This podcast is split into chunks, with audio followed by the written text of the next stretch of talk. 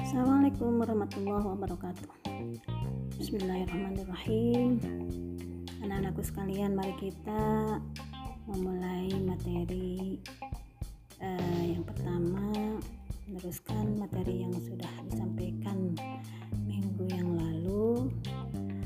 Sekarang kita menginjak ke pengertian peradilan menurut Islam. Kenapa saya menyampaikan materi peradilan menurut Islam? Karena salah satu lembaga peradilan yang ada di Indonesia itu adalah peradilan agama.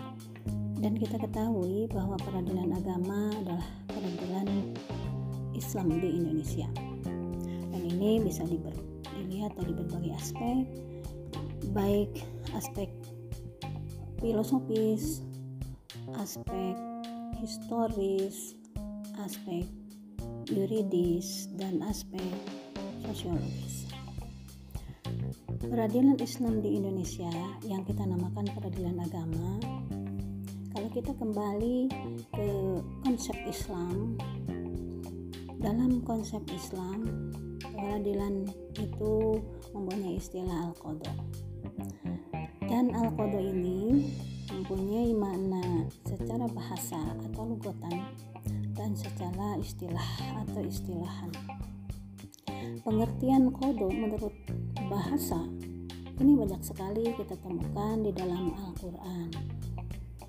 Tidak kurang dari 60 ayat Al-Quran mengandung kata kodo dengan berbagai segat. Ada yang kodo, ada yang yakdi, ada yakdi dan juga berbagai pengertian dari pengertian menyelesaikan, memutuskan, mewajibkan, sampai pada pengertian membunuh. Nah, salah satu yang akan saya sampaikan di sini contoh di mana Al-Faruq, Al-Faruq itu menyelesaikan. Ini ada di dalam surat Al-Ahzab ayat 27. Yang bunyinya secara uh, tamat atau secara sempurna itu dari wa idzaqulu lilladzi an'ama Allahu alaihi an'am wa an'amta alaihi amsik alaika zawjaka wattaqillah nafsika ma Allah mubdih wa takhsha an-nasa wallahu ahqqu an takhsha falamma qada zaidun minha wataran zawwajnakaha likay la yakuna 'alal mu'minina harajun fi azwaji ad'iyaihim idza qadaw minhunna wataran di sini ada dua kata kodok falam makodo zaidun dengan idza qadaw nah kalau dilihat dari kesempurnaan ayat dari ayat dari awal ayat itu Allah Subhanahu wa taala berfirman dan ingatlah ketika kamu berkata kepada orang yang telah Allah beri nikmat dan engkau pun memberi nikmat kepadanya, pertahankanlah istrimu dan bertakwalah kepada Allah. Padahal di dalam hatimu menyembunyikan sesuatu yang Allah akan perlihatkan. Kamu takut pada manusia, sedangkan Allah lah yang lebih berhak kamu takuti. Kemudian ayat selanjutnya, "Falamma qada Zaidun minha maka ketika Zaid menyelesaikan keperluan dari istrinya artinya sudah menceraikannya zawajnakaha aku nikahkan kamu kepadanya itu ini Allah menikahkan Nabi Muhammad karena kamu hitung itu kepada Nabi Muhammad. Aku nikahkan kamu kepadanya yaitu kepada bekas istri Zaid bin Harisah Alasannya likai layakun alal mu'minin haraj supaya tidak ada keberatan terhadap orang-orang yang beriman di azwaj dalam hal uh, istri-istri anak-anak angkat mereka apabila mereka sudah menyelesaikan urusannya idza qadau minhunna Ayat ini memang contoh tentang kata kodo di dalam Al-Quran di mana al-farog atau menyelesaikan. Tapi lebih jauh dan lebih dalam makna yang terkandung di dalam ayat ini, ini ayat mengenai hukum atau kedudukan anak angkat di dalam Islam. Kita tahu bahwa Zaid, Zaid di sini adalah Zaid bin Harisah yang menjadi anak angkat Rasulullah Shallallahu Alaihi Wasallam. Nah, Zaid bin Harisa itu dibeli. Dulunya itu hamba sahaya kemudian dibeli oleh Siti Khadijah istri Rasulullah. Setelah dibeli kemudian dihadiahkan kepada Rasulullah dan oleh Rasulullah dimerdekakan kemudian dijadikan anak angkat. Sehingga di awal-awal pengangkatannya itu yaitu dinamakan Zaid bin Muhammad.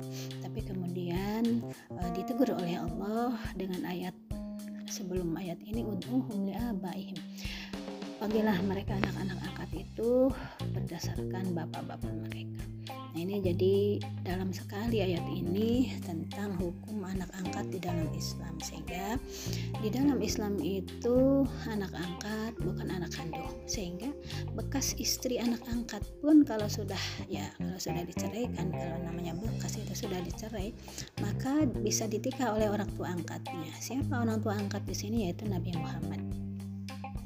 Itu contoh dari kodo bimana al kemudian banyak sekali ayat-ayat yang lain seperti bimana al ada al ada al hukmu dan lain-lain. Al ada faida kodo itu mana sikakum fadzkurullah kadzikrikum abah apabila kalian telah menyelesaikan menyelesaikan atau membayar melaksanakan maksudnya ada melaksanakan ibadah hajimu ingatlah kepada Allah. Dan ayat-ayat yang lain yang tadi saya sebutkan tidak kurang dari 60 ayat. Kemudian secara istilah kalau dalam istilah ada tiga pengertian bisa al wilayah al marufah lembaga yang dikenal. Nah, maka terkenallah yang dinamakan wilayatul qulub lembaga peradilan. Kemudian yang kedua bisa bermakna proses mengadili sehingga di oleh ulama diungkapkan uh, dengan al-fasru fil khusumat hasman litada yuqat an niza bil ahkam syar'iyyah al-mutalaqqah minal kitab was sunnah menyelesaikan persengketaan untuk melenyapkan gugat menggugat dan memotong pertengkaran dengan menggunakan hukum syara yang ditemukan dari Alkitab dan As-Sunnah. Itu berarti proses mengadili. Maka di dalam Islam lahirlah apa yang dinamakan hukmul murafaah, yaitu hukum acara. Ya, hukum acara di dalam Islam salah satunya yang uh, merupakan prinsip ya prinsip-prinsip dalam mengadili itu dikemukakan oleh Umar bin Khattab dalam Risalatul Qutub. Kemudian bisa juga yang namanya al-qada itu qaulun mulzimun sadar anti wilayatin ammah perkataan yang menetapkan yang lahir dari penguasa umum Nah, kenapa di sini dikatakan penguasa umum padahal di kita yang memutuskan perkara itu adalah seorang hakim. Dan hakim itu diangkat oleh hmm, penguasa. Ya, jadi di dalam Islam, di awal Islam, uh, tugas mengadili itu adalah tugas uh, khalifah seperti di dalam surat Sod nanti yang akan menjadi dasar dari peradilan ada uh, ayat uh, 27 kalau tidak salah Ya Dawud inna ja'alna ka khalifatan fil ardh fahkum bainan nasi Wahai Daud, aku jadikan kamu sebagai khalifah. Oleh karena itu, putuskanlah di antara manusia itu dengan hak. Nah, ini ayat turun kepada Nabi Muhammad yang menggambarkan bahwa dulu ketika Daud menjadi khalifah, menjadi raja pada masanya, maka disuruh oleh Allah untuk menyelesaikan segala persengketaan dengan hak.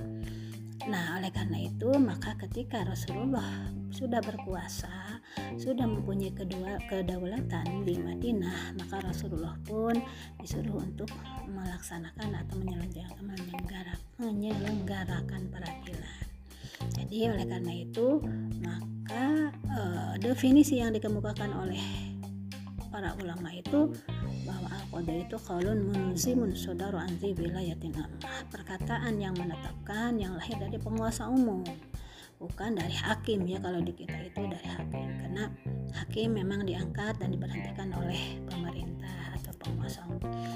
Uh, ini memang bisa terjadi karena Rasulullah pun dulu ketika wilayah Islam sudah bertambah maka beliau e, menyuruh atau mendelegasikan wewenang menyelesaikan peradilan itu kepada para sahabat. Ada yang ditugaskan di Madinah seperti Ida bin Asid, ada yang ditugaskan di uh, oh, di Mekah tadi ya di Mekah Ida bin Asid, ada yang di uh, di, apa, ditugaskan di Madinah seperti Umar bin Khattab, ada juga yang di daerah-daerah lain seperti di daerah Yaman, uh, Ali bin Abi Thalib dan Muad bin Jabal. Itu salah satu contoh bahwa Rasulullah pernah mendelegasikan kewenangannya sebagai khalifah yang ditugaskan untuk menyelenggarakan peradilan tapi beliau mengangkat yang lain untuk menyelesaikannya. Itulah pengertian al-qadha baik secara lugatan maupun secara istilah. Kemudian sekarang menginjak kepada asas. Asas itu adalah dasar ya. Apa sih dasar-dasar penyelenggaraan peradilan di dalam Islam peradilan yang memang sudah dilaksanakan bukan hanya di Indonesia dan bukan hanya masa sekarang tetapi sejak masa dulu ya dasar-dasarnya. Kita mungkin pernah uh, apa mendengar cerita-cerita tentang ketika dua anak Nabi Adam berseteru ya dalam sesuatu hal kemudian uh, penyelesaiannya itu harus menyelesaikan dengan cara berkorban. Nah itu cara menyelesaikan suatu sengketa. Tetapi ketika salah satu korbannya itu tidak diterima oleh Allah dan menunjukkan bahwa itu adalah orang yang kalah, maka yang kalah itu apa merasa iri kepada yang diterima korbannya dalam hal ini Kobil dan Habil sehingga Kobil mengatakan aku aku akan membunuhmu setelah mengatakan aku akan membunuhmu lalu dia membunuh daripada Habil ya. Nah itu adalah pelaksanaan. Mungkin kalau kita istilahkan pada saat ini main hakim sendiri ketika kalah aduh maka dia melakukan hal yang tidak diinginkan. Kemudian kalau masa Nabi Daud juga di dalam Al-Quran diceritakan Daud pernah memutuskan perkara kemudian dikoreksi oleh putranya putranya yaitu Nabi Sulaiman. Nah, kemudian apakah di dalam Al-Quran ada? Nah, itu memang diceritakan semuanya di dalam Al-Quran. Tetapi yang ditujukan kepada Rasulullah, nah ini ketika Rasulullah sudah ada di Madinah, maka uh, diakui sebagai kepala negara di Madinah dengan uh, yang pertama dengan diadakannya Piagam Madinah yang menetapkan Rasulullah sebagai kepala negara lalu Allah itu mulai menurunkan ayat-ayat Al-Quran yang berhubungan dengan kemasyarakatan dengan hukum. Di antara juga ada perintah untuk mengadili seperti uh, di dalam surat Al-Maidah wa nihkum bainahum bima anzalallah wala tattabi'ahum putuskanlah di antara mereka itu dengan hukum yang diturunkan oleh Allah. Janganlah mengikuti keinginan hawa nafsu mereka. Wahdharhum ayabtinu ka'amba bima anzalallah. Takutlah hati-hatilah kalian kepada mereka untuk memfitnahmu meninggalkan sebahagian hukum yang telah diturunkan oleh tawallau fa'lam annama yuridullahu ala yusibahum bi ba'di dzunubihim wa inna katsiran minan nasi lafasiq itu adalah satu ayat yang menyuruh Rasulullah untuk menyelesaikan perkara di Madinah. Tapi bunyinya wa anihkum bainahum bukan anihkum bainakum ini suatu pertanda bahwa yang diputuskan itu bukan hanya orang-orang Islam tetapi juga orang dari kalangan orang-orang Yahudi dan lain sebagainya yang memang tunduk pada uh, hukum yang dibuat oleh Rasulullah. Tapi suruhan Allah wa anihkum bainahum itu salah satu ayat Al-Quran yang menjadi dasar uh, tentang penyelenggaraan peradilan di samping tadi surat Sod yang tadi yang suruhan kepada uh, Nabi Daud tapi juga berlaku untuk Nabi Muhammad. Nah kalau dilihat dari sunnah as-sunnah ini juga ada dasar-dasar Al-Quran dasar-dasar dari uh, untuk menyelenggarakan uh, peradilan di dalam as-sunnah. Seperti uh, ada hal yang memang menakutkan sebetulnya tetapi ini harus diketahui oleh para hakim di mana ada pembagian hakim al-qudatu salah satu qadiyani finnar wa qadin fil jannah. Bahwa para hakim itu terbagi tiga golongan dua golongan masuk neraka dan satu golongan yang akan masuk surga. Yang mana yang akan masuk surga? Qadin amil bil haq fi qadaihi seorang hakim yang bekerja secara benar fi qadaihi dalam putusannya dalam penyelesaian perkara. Bahwa bil jannah dialah yang akan berada di surga nanti. Uh, dua golongan yang akan masuk neraka qadin alimal haqq fajar seorang hakim yang tahu akan kebenaran tapi dia sengaja berbuat dolim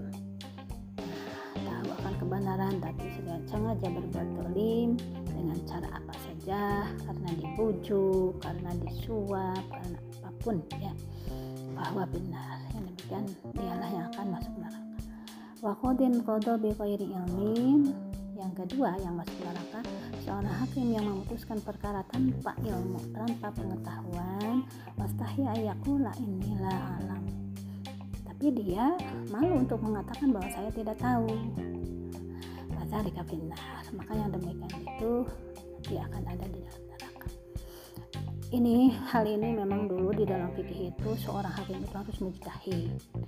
Harus betul-betul orang yang pandai beristihad sedangkan Eh, syarat-syarat untuk beristihad itu kan harus paham terhadap ulumul Quran, paham terhadap ulumul hadis, ter, uh, paham terhadap ilmu bahasa, ilmu logo bahasa. Karena memang yang dijadikan rujukan di dalam memutuskan perkara itu adalah kitab-kitab yang berbahasa Arab. Nah itu harus tahu seluk beluknya sehingga kalau dikatakan uh, ada yang disuruh untuk memutuskan perkara tapi dia sebetulnya tidak tahu uh, tapi malu untuk mengatakan tidak tahu maka itu masuk kategori orang yang masuk neraka itulah barangkali satu aja satu-satu aja satu uh, dari Al-Quran dan satu dari As-Sunnah. Dan nanti anda bisa lihat sendiri karena materi ini disampaikan juga kepada anda nanti di dalam WA tinggal baca. Uh, itulah barangkali untuk uh, materi pertama saya sampaikan mudah-mudahan ada manfaatnya. Uh, Allahumma ila Wassalamualaikum warahmatullahi wabarakatuh.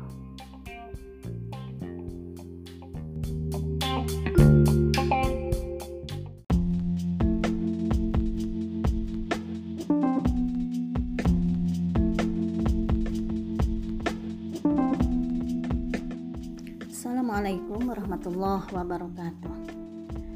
Uh, Saudara-saudara, para mahasiswa yang saya cintai Di pertemuan yang kedua Ini Ibu akan menjelaskan tentang uh, materi mengenai pengertian hukum acara dan uh, sumbernya.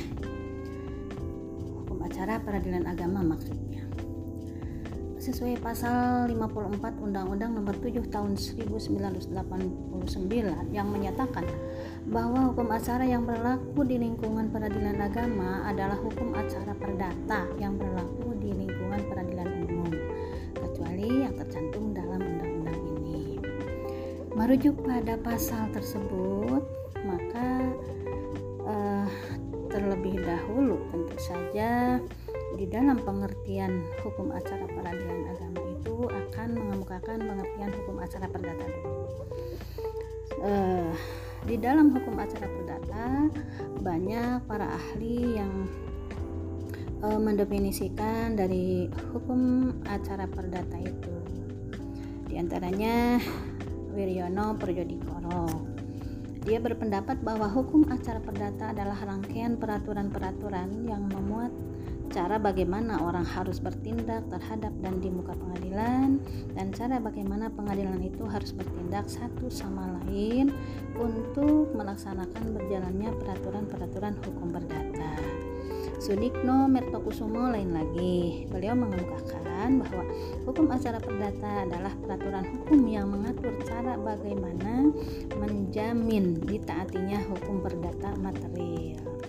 Yang lainnya juga eh, Supomo sepertinya eh, umpamanya mengatakan eh, tanpa beliau tanpa memberikan batasan tertentu beliau menjelaskan bahwasanya dalam peradilan perdata tugas hakim ialah mempertahankan tata hukum perdata menetapkan apa yang ditemukan oleh hukum dalam suatu perkara. Wancik Saleh beda lagi beliau memberi batasan bahwa hukum acara perdata sebagai ketentuan-ketentuan yang mengatur tentang bagaimana caranya berperkara perdata di muka peradilan. Abdul Manan lain lagi, beliau mengemukakan bahwa hukum acara perdata merupakan hukum yang mengatur tentang tata cara mengajukan gugatan kepada pengadilan, bagaimana pihak tergugat mempertahankan diri dari gugatan penggugat, bagaimana para hakim bertindak baik sebelum dan ketika pemeriksaan sedang dilaksanakan, dan bagaimana cara hakim memutus perkara yang diajukan penggugat tersebut, serta bagaimana cara melaksanakan putusan tersebut sebagaimana mestinya sesuai dengan peraturan yang berlaku. Sehingga hak dan kewajiban sebagaimana yang telah diatur dalam hukum perdata dapat berjalan sebagaimana mestinya. Ini lebih lengkap ya kalau e, pengertian atau definisi yang dikemukakan oleh Abdul Manan. Nah, merujuk pada berbagai pengertian tersebut bila dirangkaikan dengan peradilan agama ini hukum acara peradilan agama maka dapat didefinisikan dengan rangkaian peraturan-peraturan yang memuat cara bagaimana orang harus bertindak terhadap dan di muka pengadilan agama dan bagaimana cara pengadilan agama itu harus bertindak satu sama lain untuk melaksanakan berjalannya peraturan-peraturan hukum positif Islam yang menjadi sumber hukum material bagi lingkungan peradilan agama. Itulah definisi uh, yang bisa disimpulkan uh, untuk uh, hukum acara peradilan agama. Kemudian kalau kita merujuk kepada uh, sumber yang dijadikan sumber hukum dari uh, hukum acara perdata itu maka bersumber kepada uh, sumber hukum material hukum sumber hukum per, acara perdata. Jadi hukum acara peradilan agama sesuai dengan pasal 54 yang sudah dibacakan tadi, sumbernya itu sama dengan sumber hukum acara perdata. Di mana di dalam hukum acara perdata yang menjadi sumbernya itu banyak ya, yaitu uh, ada beberapa hal di antaranya undang-undang eh, HIR ya HIR eh, kemudian RBG nah, HIR itu akan uh, singkatan dari Head Horizon Inland Reglement atau disebut juga RIB Reglement Indonesia yang dibaharui. Ya ini reglement tentang melakukan tugas kepolisian mengadili perkara perdata dan penuntutan perkara pidana golongan bumi putra dan timur asing di Jawa dan Madura. Dengan diberlakukannya Undang-Undang Nomor 8 Tahun 1981 tentang Kitab Undang-Undang Hukum Acara Pidana atau KUHAP, maka sebagian ketentuan HIR khusus untuk acara pidana telah dicabut. Ketentuan yang mengatur hukum acara pidana dalam HIR tersebut terdapat dalam bab 9 tentang perihal mengadili perkara dalam perkara perdata yang diperiksa oleh pengadilan negeri yang terdiri dari bagian pertama tentang pemeriksaan perkara dalam persidangan itu mulai dari pasal 118 sampai dengan pasal 161 kemudian bagian kedua tentang bukti. Mulai pasal 162 sampai dengan pasal 177 bagian ketiga tentang musyawarah dan putusan mulai pasal 178 sampai dengan 187 Kemudian bagian keempat tentang banding mulai 188 sampai dengan pasal 194. Bagian kelima tentang menjalankan putusan mulai pasal 195 sampai pasal 224 kemudian bagian keenam tentang beberapa hal yang menjadi perkara-perkara yang istimewa mulai 225 sampai uh, eh, 236 bagian ketujuh tentang izin berperkara tanpa ongkos. Uh, mulai pasal 237 sampai pasal 245 nah kemudian yang kedua itu ada RPK Reglemen Bui Tengesun Bui Tenges Tenges uh, Teng. Terosten Stasban 1997 nomor 227 yang ditetapkan berdasarkan Ordonansi 11 Mei 1927 dan berlaku sejak tanggal 1 Juli 1927 khusus bab 2 pasal 104 sampai dengan pasal 323 yang ditetapkan untuk luar Jawa dan Madura. Kemudian yang ketiga, RV yang lazim disebut dengan Reglemen Hukum Acara Perdata untuk Golongan Eropa itu menjadi sumber hukum e, acara perdata di pengadilan negeri. Kemudian yang keempat BW Burgerlijk Codebook atau disebut juga Kitab Undang-Undang Hukum Perdata Eropa. Peraturan tentang hukum acara perdata dan BW terdapat dalam buku 4 tentang pembuktian yang termuat dalam pasal 1865 sampai 1993. Kemudian ada WVK uh, Wetbook van Kophandel yang dalam bahasa Indonesia dikenal dengan Kitab Undang-Undang Hukum Dagang khusus yang ada kaitannya dengan aturan tentang kepailitan. Nah, kemudian selanjutnya eh, di samping yang sudah disebutkan yaitu ada Undang-Undang Nomor 20 Tahun 47 khusus untuk acara banding daerah Jawa dan Madura. Kemudian Undang-Undang Nomor 14 Tahun 70 tentang pokok-pokok kekuasaan kehakiman yang diamandemen dengan Undang-Undang Nomor 35 Tahun 1999 dan dinyatakan tidak berlaku.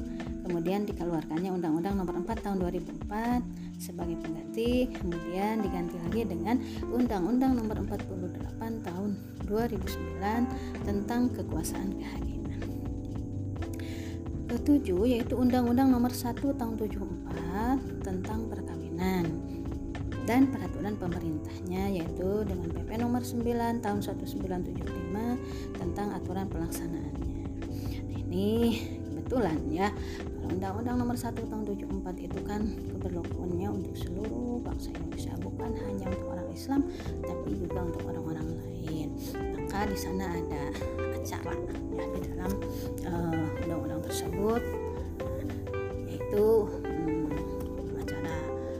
dalam melaksanakan uh, perkawinan maka menjadi sumber hukum acara perdata dan plus menjadi hukum acara peradilan agama yang kedelapan yaitu Undang-Undang Nomor 14 Tahun 1985 tentang Mahkamah Agung yang telah diubah dan disempurnakan dengan Undang-Undang Nomor 5 Tahun 2004 dan diubah lagi dengan Undang-Undang Nomor 3 Tahun 2009 tentang Mahkamah Agung. 9. Undang-Undang Nomor 7 Tahun 1989 tentang Peradilan Agama. Jungto Undang-Undang Nomor 3 Tahun 2006 tentang amandemen pertama terhadap Undang-Undang Nomor 1, 7 Tahun 1989 tentang peradilan agama dan Undang-Undang Nomor 50 Tahun 2009 tentang amandemen kedua. Kemudian, nah, nah ini karena uh, sumber hukum acara peradilan agama maka Impres nomor 1 tahun 1991 tentang instruksi pemasyarakatan kompilasi hukum Islam. Nah ini khusus untuk peradilan agama. Ini berlaku keberlakuannya itu menjadi sumber hukum uh, acara peradilan agama. Kemudian ada surat edaran Mahkamah Agung dan peraturan Mahkamah Agung RI sepanjang menyangkut hukum acara perdata tetapi tidak mengikat hakim sebagaimana undang-undang. Untuk itu para pakar hukum berpendapat bahwa perma dan sema peraturan Mahkamah Agung dan surat edaran Mahkamah Agung adalah bentuk campur tangan Mahkamah Agung terhadap hakim dalam menyelesaikan perkara tetapi hal ini dimaksudkan sebagai pengawasan tertinggi yang menjadi wewenang Mahkamah Agung sebagaimana tercantum dalam pasal 11 ayat 4 Undang-Undang Nomor 48 Tahun 2009 tentang kekuasaan kehakiman. Surat edaran dan instruksi Mahkamah, Mahkamah Agung RI itu RI itu bukanlah hukum tetapi merupakan sumber hukum. Bukan berarti tempat ditemukan hukum tetapi tempat hakim dapat menggali hukum. Uh, saudara-saudara sekalian, uh, yang ke-11 mungkin ya, ke-11 itu ada jurisprudensi. Nah, dimaksud dengan jurisprudensi? Itu ya um, kumpulan yang sistematis dari keputusan Mahkamah Agung dan keputusan pengadilan tinggi yang diikuti oleh hakim lain dalam memberikan keputusan terhadap masalah yang sama. tidak ditemukan aturan-aturan yang jelas tentang satu perkara yang dihadapi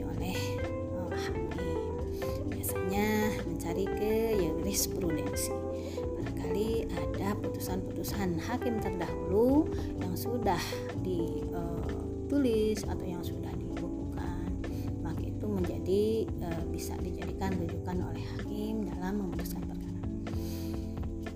Akan tetapi hakim tidak boleh terikat dengan jurisprudensi tersebut. Sebab negara Indonesia tidak menganut asas the blinding force of precedent. Jadi bebas memilih antara menggunakan dan meninggalkan jurisprudensi dalam perkara yang sejenis. Yang paling e, diperhatikan terutama ketika e, perkara tersebut tidak ada dalil hukumnya tidak ada dasar hukum dalam hukumnya dalam suatu perundang-undangan hakim tidak boleh menolak ya tidak menolak tidak boleh menolak suatu perkara nah, tetapi dia harus uh, ya wajib menggali nilai-nilai hukum uh, dalam masyarakat. Jadi meskipun tidak ada aturan yang jelas tentang perkara tersebut tapi hakim tidak boleh bisa dia itu melihat kepada kepada jurisprudensi atau mengambil dari uh, aturan-aturan lain yang biasanya diambil dari hukum adat.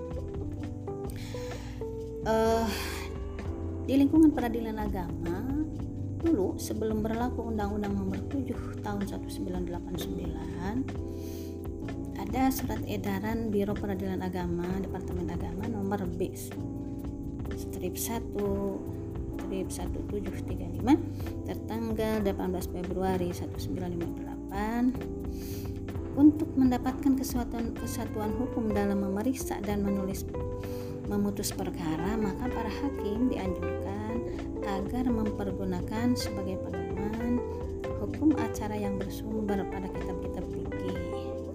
Yakni Al-Bajuri, Fatul Mu'in, Syarqawi ala Tahrir, Qalyubi atau Mahali Fatul Wahab dan syarahnya Tuhfatul Kemudian Targibul Mustaq Kawanin uh, Syariah li Sayyid bin Yahya Kawanin Syariah li Sayyid Sadaqah Dahlan Syamsuri Fil Faroid Mughyatul Mur Mustarsyidin Al-Fiqhu Al-Madahibil Arba'ah dan Mugnil Muhtad.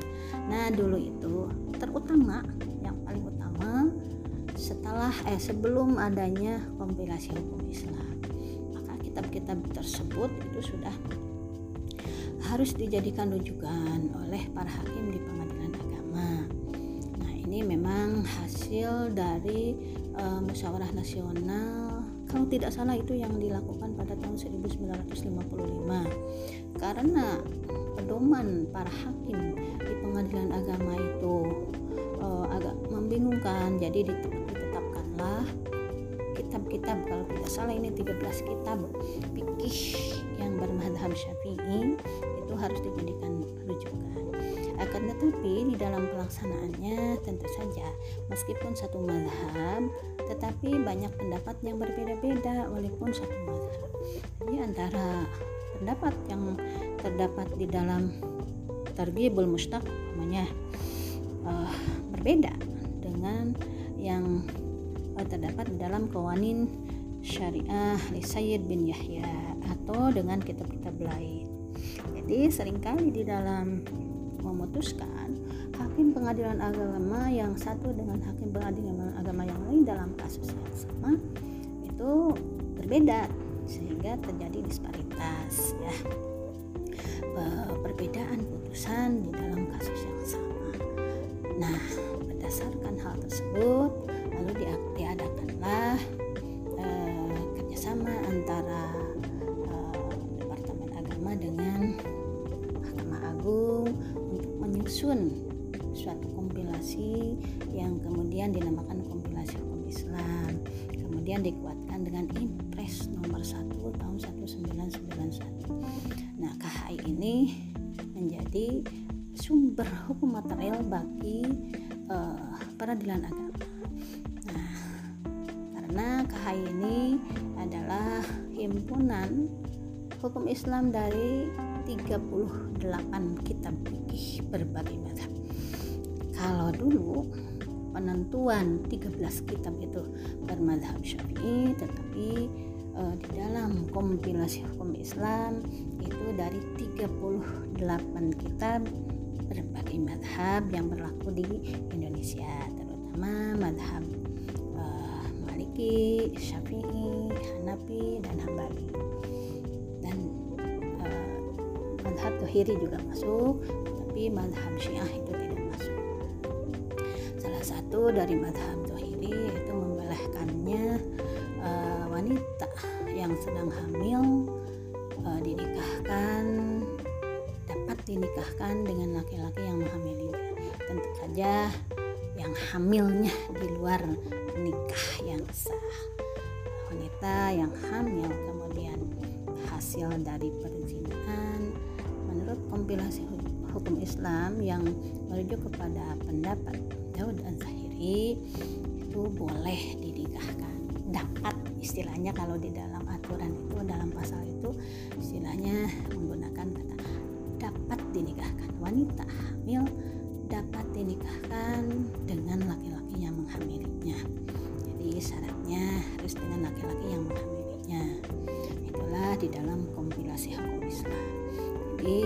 madhab-madhab yang ada di dalam kompilasi ini disatukan semuanya semua madhab yang berada di Indonesia barangkali itulah uh, untuk materi hari ini yaitu tentang pengertian hukum acara peradilan agama dan sumbernya.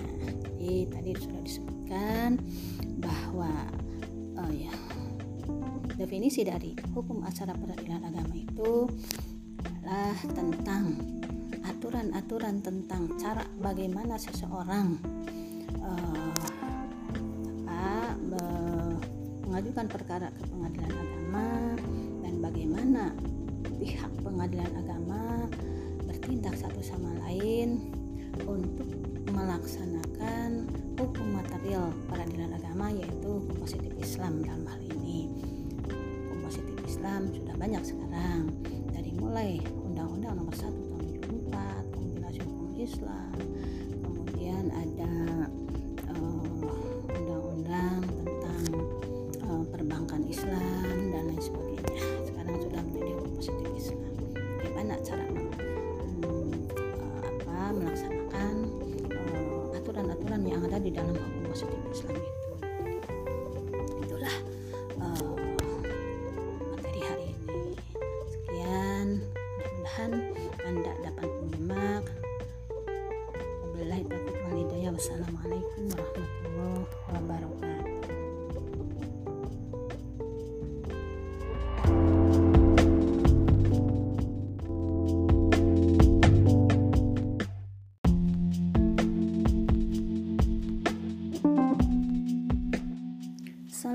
Assalamualaikum warahmatullahi wabarakatuh. Uh, Saudara-saudara para mahasiswa yang saya cintai Di pertemuan yang kedua Ini Ibu akan menjelaskan tentang uh, materi mengenai pengertian hukum acara dan uh, sumbernya. Hukum acara peradilan agama maksudnya sesuai pasal 54 Undang-Undang Nomor 7 Tahun 1989 yang menyatakan bahwa hukum acara yang berlaku di lingkungan peradilan agama adalah hukum acara perdata yang berlaku di lingkungan peradilan umum kecuali yang tercantum dalam undang-undang ini. Merujuk pada pasal tersebut, maka eh, terlebih dahulu tentu saja di dalam pengertian hukum acara peradilan agama itu akan mengemukakan pengertian hukum acara perdata dulu. Uh, di dalam hukum acara perdata banyak para ahli yang e, mendefinisikan dari hukum acara perdata itu di antaranya Wiryono Projodikoro dia berpendapat bahwa hukum acara perdata adalah rangkaian peraturan-peraturan yang memuat cara bagaimana orang harus bertindak terhadap dan di muka pengadilan dan cara bagaimana pengadilan itu harus bertindak satu sama lain untuk melaksanakan berjalannya peraturan-peraturan hukum perdata. Sudikno Mertokusumo lain lagi. Beliau mengemukakan bahwa hukum acara perdata adalah peraturan hukum yang mengatur cara bagaimana menjamin ditaatinya hukum perdata material. Yang lainnya juga uh, Supomo sepertinya uh, umpamanya mengatakan uh, tanpa beliau tanpa memberikan batasan tertentu beliau menjelaskan bahwasanya dalam peradilan perdata tugas hakim ialah mempertahankan tata hukum perdata menetapkan apa yang ditemukan oleh hukum dalam suatu perkara. Wancik Saleh beda lagi Beliau memberi batasan bahwa hukum acara perdata sebagai ketentuan-ketentuan yang mengatur tentang bagaimana caranya berperkara perdata di muka peradilan. Abdul Manan lain lagi, beliau mengemukakan bahwa hukum acara perdata merupakan hukum yang mengatur tentang tata cara mengajukan gugatan kepada pengadilan, bagaimana pihak tergugat mempertahankan diri dari gugatan penggugat, bagaimana para hakim bertindak baik sebelum dan ketika pemeriksaan sedang dilaksanakan dan bagaimana cara hakim memutus perkara yang diajukan penggugat tersebut serta bagaimana cara melaksanakan putusan tersebut sebagaimana mestinya sesuai dengan peraturan yang berlaku sehingga hak dan kewajiban sebagaimana yang telah diatur dalam hukum perdata dapat berjalan sebagaimana mestinya. Ini lebih lengkap ya kalau e, pengertian atau definisi yang dikemukakan oleh Abdul Manan. Nah, merujuk pada berbagai pengertian tersebut bila dirangkaikan dengan peradilan agama ini hukum acara peradilan agama maka dapat didefinisikan dengan rangkaian peraturan-peraturan yang memuat cara bagaimana orang harus bertindak terhadap dan di muka pengadilan agama dan bagaimana cara pengadilan agama itu harus bertindak satu sama lain untuk melaksanakan berjalannya peraturan-peraturan hukum positif Islam yang menjadi sumber hukum material bagi lingkungan peradilan agama. Itulah definisi uh, yang bisa disimpulkan uh, untuk peradi, uh, hukum acara peradilan agama. Kemudian kalau kita merujuk kepada uh, sumber yang dijadikan sumber hukum dari uh, hukum acara perdata itu maka bersumber kepada uh, sumber hukum material hukum eh, sumber hukum per, acara perdata. Jadi hukum acara peradilan agama uh, sesuai dengan pasal 54 yang sudah dibacakan tadi sumbernya itu sama dengan sumber hukum acara perdata di mana di dalam hukum acara perdata yang menjadi sumbernya itu banyak ya. Yaitu uh, ada beberapa hal di antaranya undang-undang uh, eh, HIR ya HIR uh, eh, kemudian RBG nah, HIR itu akan uh, singkatan dari Head Horizon Inland Reglement atau disebut juga RIB Reglement Indonesia yang dibaharui. Ya ini reglement tentang melakukan tugas kepolisian mengadili perkara perdata dan penuntutan perkara pidana golongan bumi putra dan timur asing di Jawa dan Madura dengan diberlakukannya Undang-Undang Nomor 8 Tahun 1981 tentang Kitab Undang-Undang Hukum Acara Pidana atau KUHAP, maka sebagian ketentuan HIR khusus untuk acara pidana telah dicabut. Ketentuan yang mengatur hukum acara perdata dalam HIR tersebut terdapat dalam bab 9 tentang perihal mengadili perkara dalam perkara perdata yang diperiksa oleh pengadilan negeri yang terdiri dari bagian pertama tentang pemeriksaan perkara dalam persidangan itu mulai dari pasal 118 sampai dengan pasal 161 kemudian bagian kedua tentang bukti mulai pasal 162 sampai dengan pasal 177 bagian ketiga tentang musyawarah dan putusan mulai pasal 178 sampai dengan 187 Kemudian bagian keempat tentang banding mulai 188 sampai dengan pasal 194. Bagian kelima tentang menjalankan putusan mulai pasal 195 sampai pasal 224. Kemudian bagian keenam tentang beberapa hal yang menjadi perkara-perkara yang istimewa mulai 225 sampai uh, eh, 236. Bagian ketujuh tentang izin berperkara tanpa ongkos uh, mulai pasal 237 sampai pasal 245 nah kemudian yang kedua itu ada RBG Reglemen Bui Tengesun. Bui Tenges Tenges uh, Teng Tewesten Stasban 1927 nomor 227 yang ditetapkan berdasarkan ordonansi 11 Mei 1927 dan berlaku sejak tanggal 1 Juli 1927 khusus bab 2 pasal 104 sampai dengan pasal 323 yang ditetapkan untuk luar Jawa dan Madura. Kemudian yang ketiga, RV yang lazim disebut dengan Reglemen Hukum Acara Perdata untuk golongan Eropa. Itu menjadi sumber hukum e, acara perdata di pengadilan negeri. Kemudian yang keempat BW, Burgerlijk Codebook atau disebut juga Kitab Undang-Undang Hukum Perdata Eropa.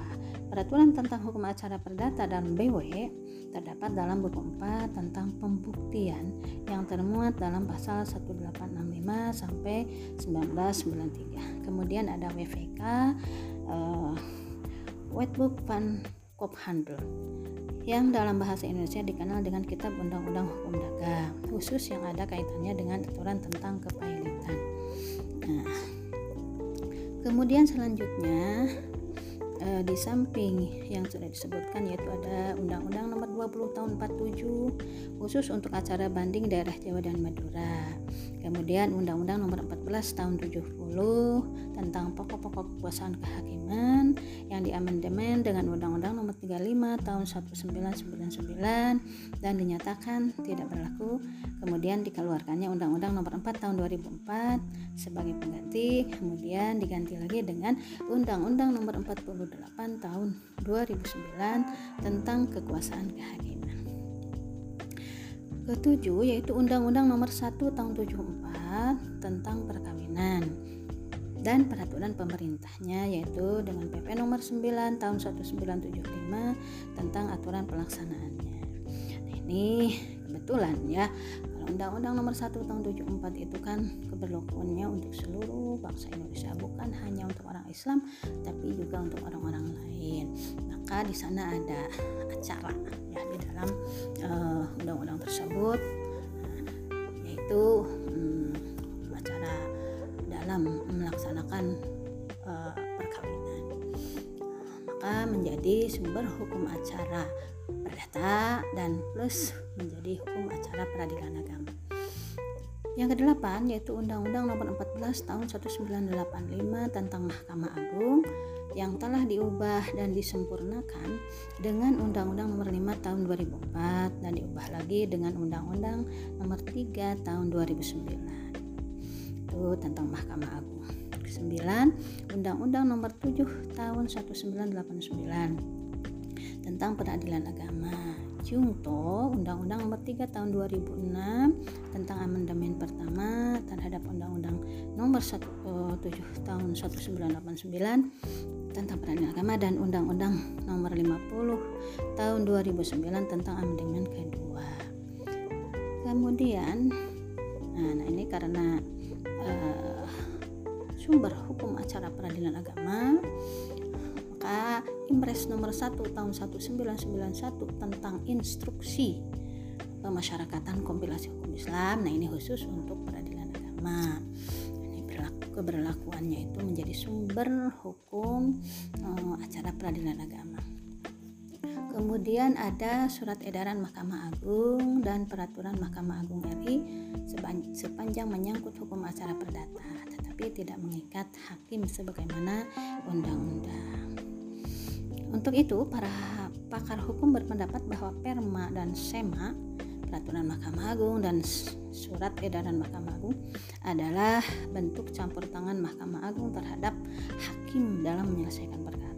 Tapi hal ini dimaksudkan sebagai pengawasan tertinggi yang menjadi wewenang Mahkamah Agung. Sebagaimana tercantum dalam pasal 11 ayat 4 Undang-Undang Nomor 48 Tahun 2009 tentang kekuasaan kehakiman. So, kemudian surat edaran dan instruksi Mahkamah, Mahkamah Agung RI itu RI itu bukanlah hukum tetapi merupakan sumber hukum bukan berarti tempat ditemukan hukum, tetapi tempat hakim dapat menggali hukum. Uh, saudara-saudara sekalian, uh, yang ke-11 mungkin ya, ke-11 itu ada jurisprudensi. Nah, apa yang dimaksud dengan jurisprudensi? Itu ya hmm, kumpulan yang sistematis dari keputusan Mahkamah Agung dan keputusan pengadilan tinggi yang diikuti oleh hakim lain dalam memberikan keputusan terhadap masalah yang sama. Terutama ketika tidak ditemukan aturan-aturan yang jelas tentang satu perkara yang dihadapi oleh oh, hakim. Biasanya mencari ke jurisprudensi barangkali ada putusan-putusan hakim terdahulu yang sudah ditulis atau yang sudah dibukukan maka itu menjadi e, bisa dijadikan rujukan oleh hakim dalam memutuskan perkara akan tetapi hakim tidak boleh terikat dengan jurisprudensi tersebut sebab negara Indonesia tidak menganut asas the blinding force of precedent jadi bebas memilih antara menggunakan dan meninggalkan jurisprudensi dalam perkara yang sejenis. Yang paling e, diperhatikan terutama ketika e, perkara tersebut tidak ada dalil hukumnya, tidak ada dasar hukum dalam hukumnya dalam suatu perundang-undangan, hakim tidak boleh menolak tidak menolak tidak boleh menolak suatu perkara. Nah, tetapi dia harus uh, ya wajib menggali nilai-nilai hukum uh, dalam masyarakat. Jadi meskipun tidak ada aturan yang jelas tentang perkara tersebut tapi hakim tidak bisa dia itu melihat kepada kepada jurisprudensi atau mengambil dari Eh, aturan-aturan uh, lain yang biasanya diambil dari hukum adat. Uh, di lingkungan peradilan agama dulu sebelum berlaku Undang-Undang Nomor 7 Tahun 1989 ada surat edaran Biro Peradilan Agama Departemen Agama nomor B strip 1 strip 1735 tertanggal 18 Februari 1958 untuk mendapatkan kesatuan, kesatuan hukum dalam memeriksa dan menulis memutus perkara maka para hakim dianjurkan agar mempergunakan sebagai pedoman hukum acara yang bersumber pada kitab-kitab fikih yakni Al-Bajuri, Fatul Mu'in, Syarqawi ala Tahrir, Qalyubi atau Mahali, Fatul Wahab dan syarahnya Tuhfatul Tuhfah, kemudian Targibul Mustaq, Qawanin uh, syariah li Sayyid bin Yahya kawanin syariah li Sayyid Sadaqah Dahlan Syamsuri fil Faraid Mughyatul Mur Mustarsyidin Al-Fiqhu Madhahibil Arba'ah dan Mugnil Muhtad nah dulu itu terutama yang paling utama setelah eh sebelum adanya kompilasi hukum Islam maka kitab-kitab tersebut itu sudah harus dijadikan rujukan oleh para hakim di pengadilan agama. Nah, ini memang hasil dari uh, musyawarah nasional kalau tidak salah itu yang dilakukan pada tahun 1955.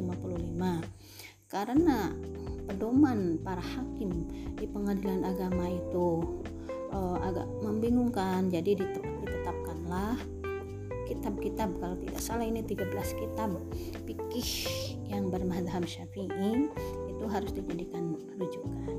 Akan tetapi di dalam pelaksanaannya tentu saja meskipun satu madhab tetapi banyak pendapat yang berbeda-beda walaupun satu madhab jadi antara pendapat yang terdapat di dalam targhibul mustaq namanya uh, berbeda dengan yang uh, terdapat di dalam kawanin syariah li Sayyid bin Yahya atau dengan kitab-kitab lain.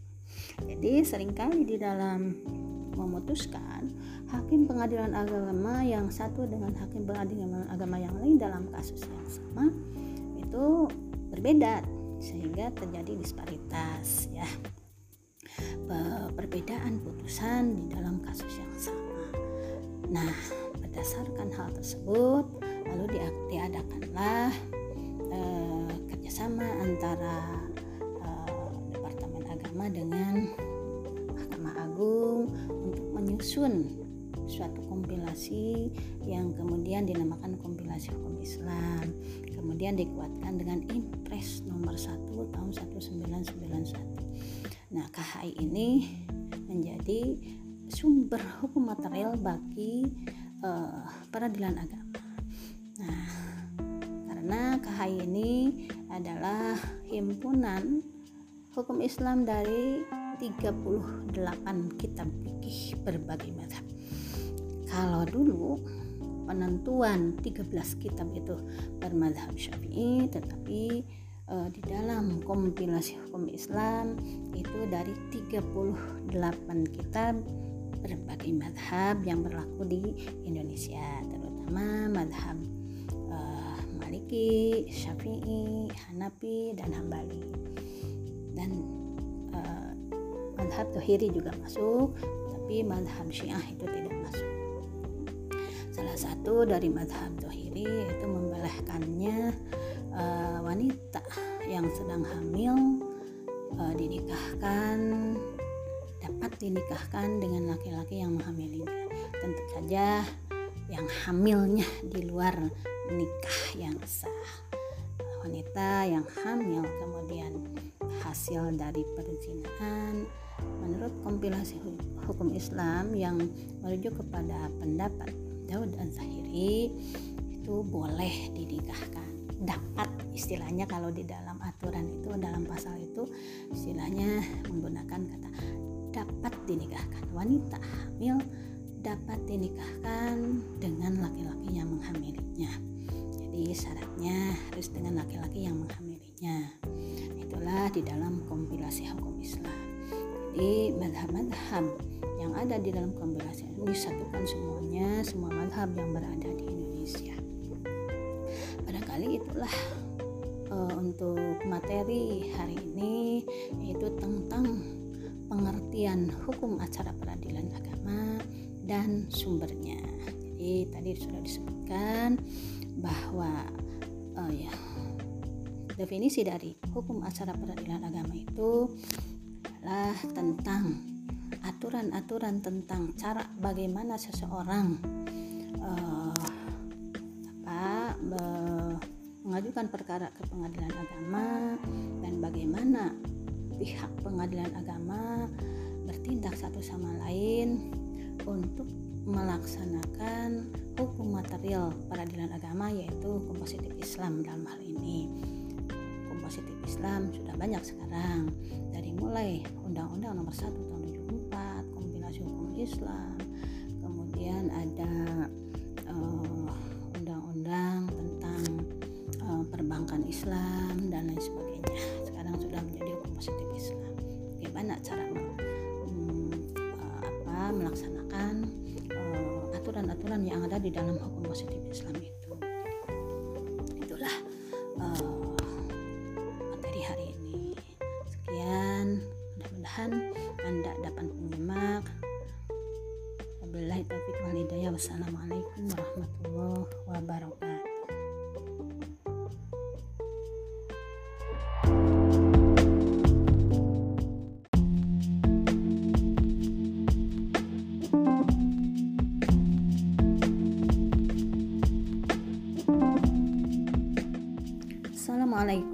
warahmatullahi wabarakatuh.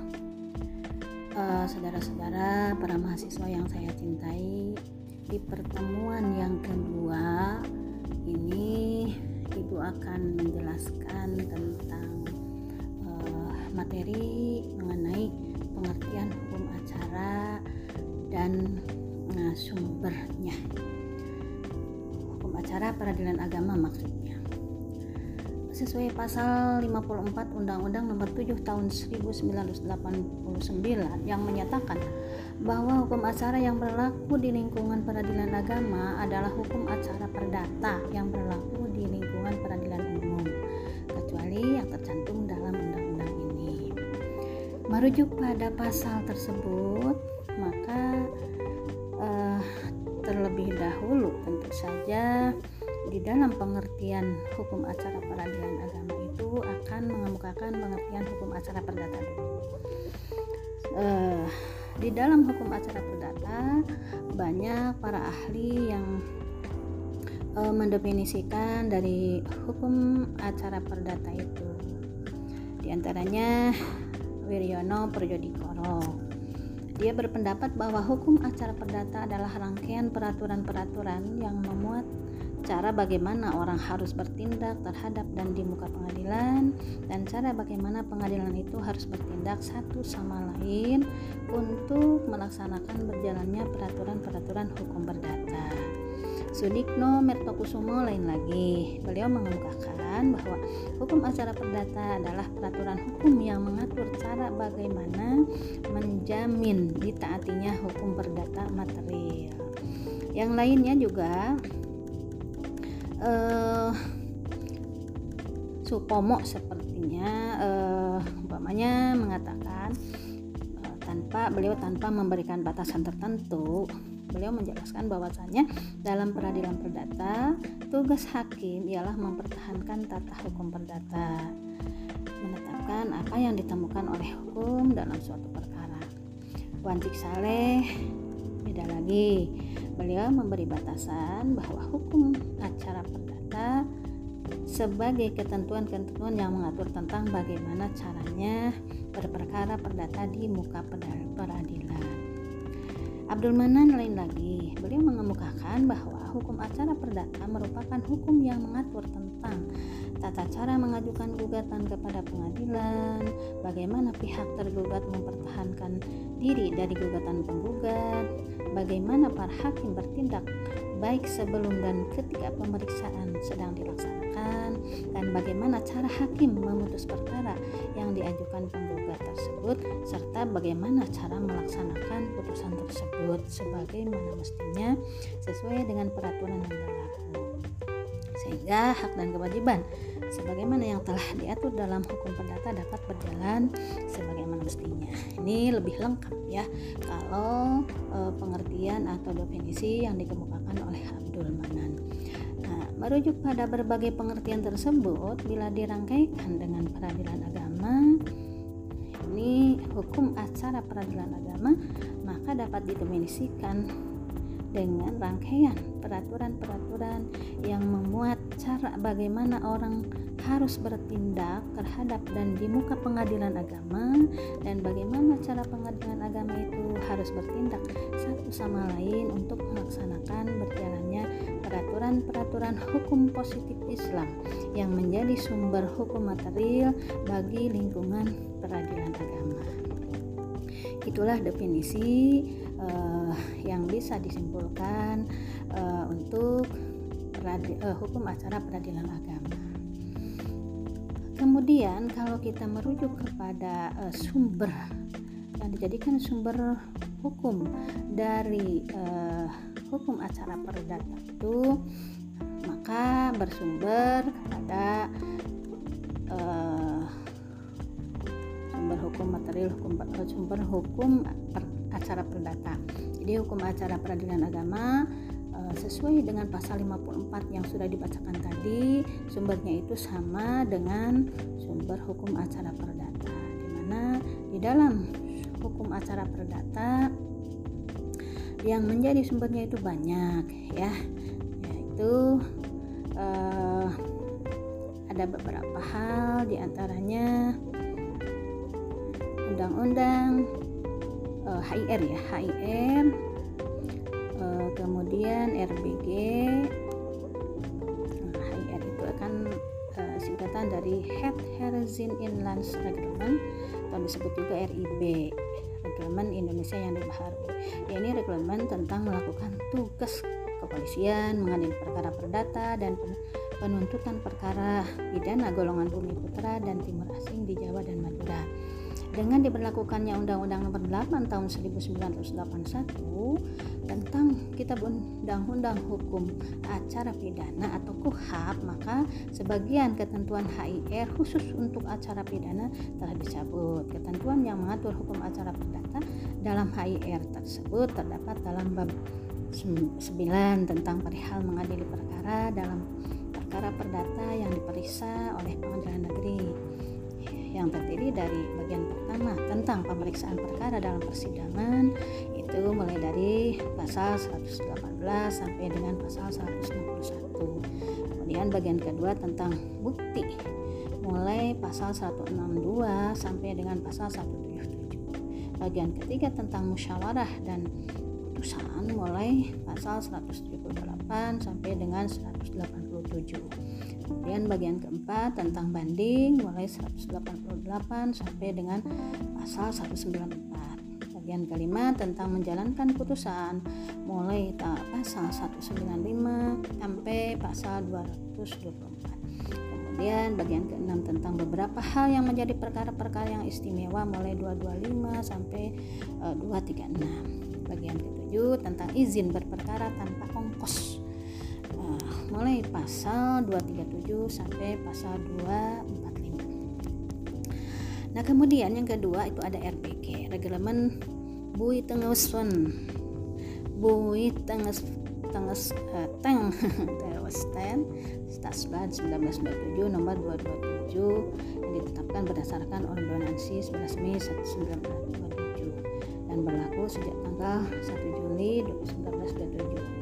khusus bab 2 pasal 104 sampai dengan pasal 323 yang ditetapkan untuk luar Jawa dan Madura.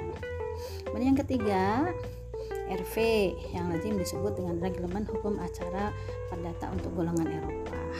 Itu menjadi sumber hukum e, acara perdata di pengadilan negeri.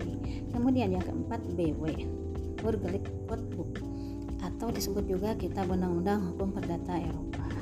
Peraturan tentang hukum acara perdata dalam BW terdapat dalam buku 4 tentang pembuktian yang termuat dalam pasal 1865 sampai 1993. Kemudian ada WVK uh, Wetbook van Kophandel yang dalam bahasa Indonesia dikenal dengan Kitab Undang-Undang Hukum Dagang khusus yang ada kaitannya dengan aturan tentang kepailitan.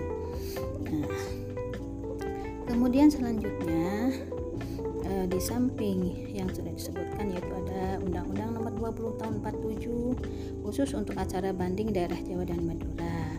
Kemudian Undang-Undang Nomor 14 Tahun 70 tentang pokok-pokok kekuasaan kehakiman yang diamandemen dengan Undang-Undang Nomor 35 Tahun 1999 dan dinyatakan tidak berlaku.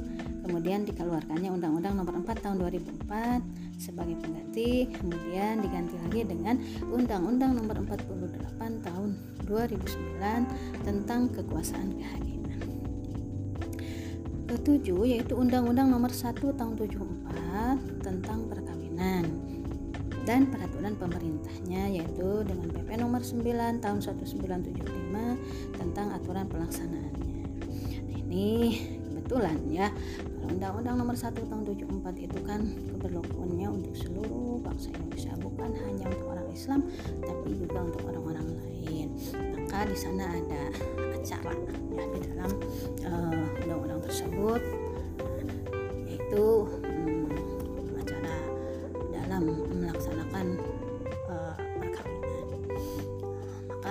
menjadi sumber hukum acara perdata dan plus menjadi hukum acara peradilan. Yang kedelapan yaitu Undang-Undang Nomor 14 Tahun 1985 tentang Mahkamah Agung yang telah diubah dan disempurnakan dengan Undang-Undang Nomor 5 Tahun 2004 dan diubah lagi dengan Undang-Undang Nomor 3 Tahun 2009. Itu tentang Mahkamah Agung. 9 Undang-Undang Nomor 7 Tahun 1989 tentang Peradilan Agama. Jungto Undang-Undang Nomor 3 Tahun 2006 tentang amandemen pertama terhadap Undang-Undang Nomor 1, 7 Tahun 1989 tentang peradilan agama dan Undang-Undang Nomor 50 Tahun 2009 tentang amandemen kedua. Kemudian, nah, nah ini karena sumber hukum acara peradilan agama maka Impres nomor 1 tahun 1991 tentang instruksi pemasyarakatan kompilasi hukum Islam nah ini khusus untuk agama keberlakuannya itu menjadi sumber hukum uh, acara peradilan agama kemudian ada surat edaran Mahkamah Agung dan peraturan Mahkamah Agung RI sepanjang menyangkut hukum acara perdata tetapi tidak mengikat hakim sebagaimana undang-undang. Untuk itu, para pakar hukum berpendapat bahwa perma dan sema, peraturan Mahkamah Agung dan surat edaran Mahkamah Agung adalah bentuk campur tangan Mahkamah Agung terhadap hakim dalam menyelesaikan perkara. Tetapi hal ini dimaksudkan sebagai pengawasan tertinggi yang menjadi wewenang Mahkamah Agung sebagaimana tercantum dalam pasal 11 ayat 4 Undang-Undang Nomor 48 Tahun 2009 tentang kekuasaan kehakiman. Kemudian surat edaran dan instruksi Mahkamah, Agung RI itu itu bukanlah hukum tetapi merupakan sumber hukum. Bukan berarti tempat ditemukan hukum tetapi tempat hakim dapat menggali hukum. Uh, saudara-saudara sekalian, uh, yang ke-11 mungkin ya ke-11 itu ada jurisprudensi nah, apa yang dimaksud dengan jurisprudensi itu ya kumpulan yang sistematis dari keputusan Mahkamah Agung dan keputusan pengadilan tinggi yang diikuti oleh hakim lain dalam memberikan keputusan terhadap masalah yang sama. tidak ditemukan aturan-aturan yang jelas tentang satu perkara yang dihadapi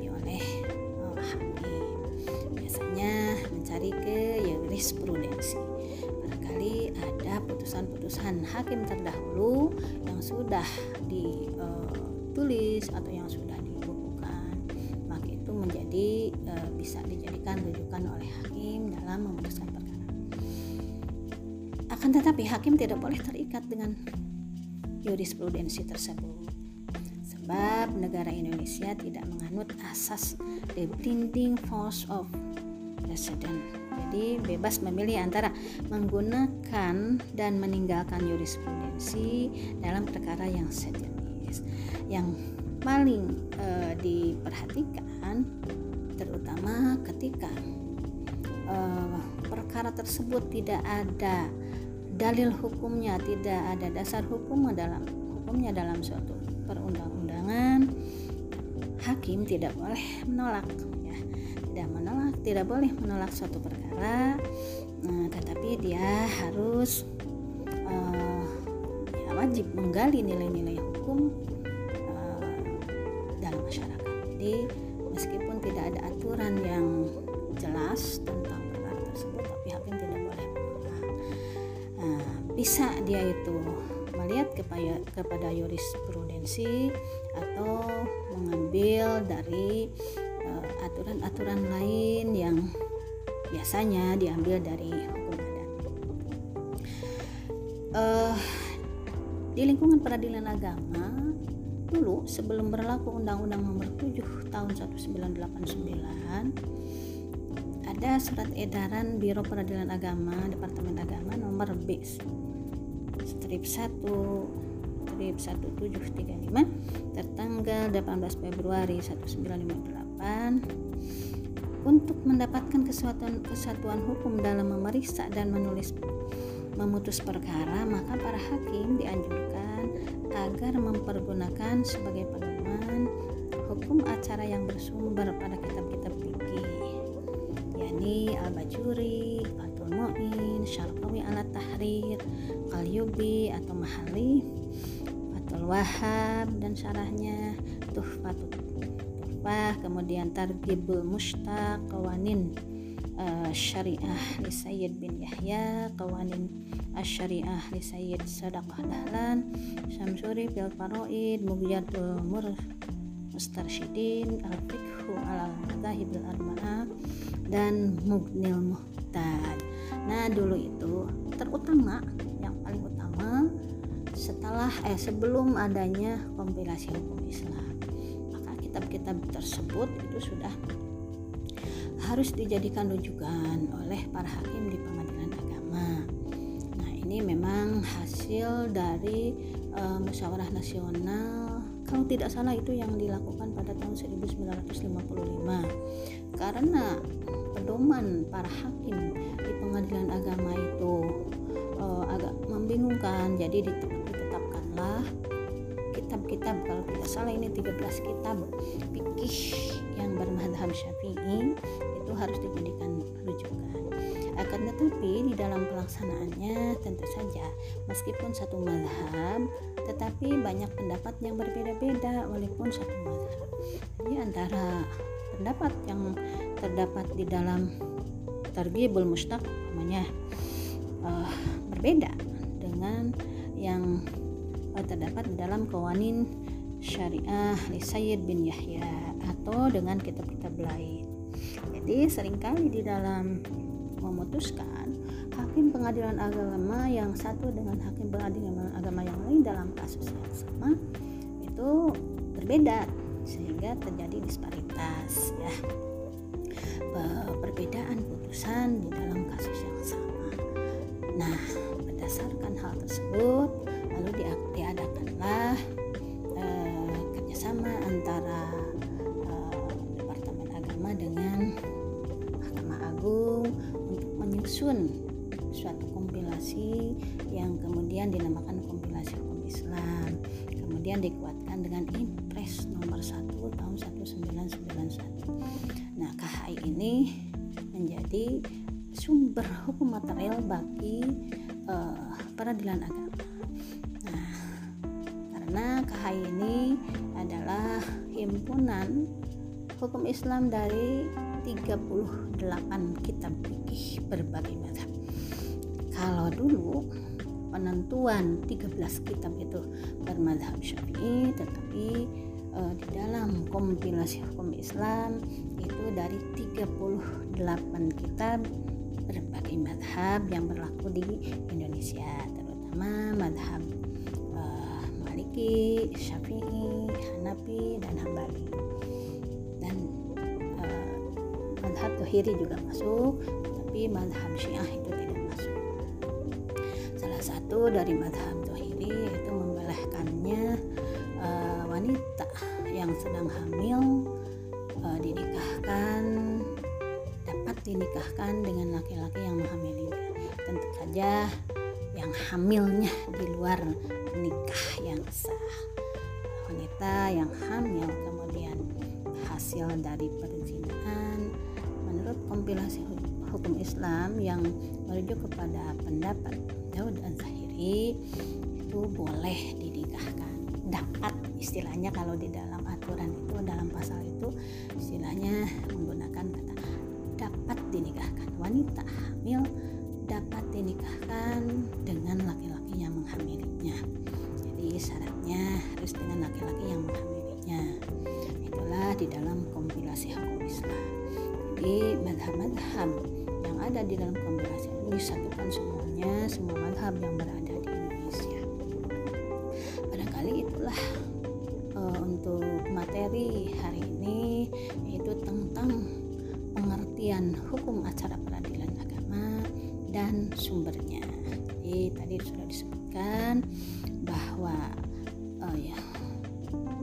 definisi dari hukum acara peradilan agama itu adalah tentang aturan-aturan tentang cara bagaimana seseorang uh, apa, mengajukan perkara ke pengadilan agama dan bagaimana pihak pengadilan agama bertindak satu sama lain untuk melaksanakan hukum material peradilan agama yaitu positif Islam dalam hal ini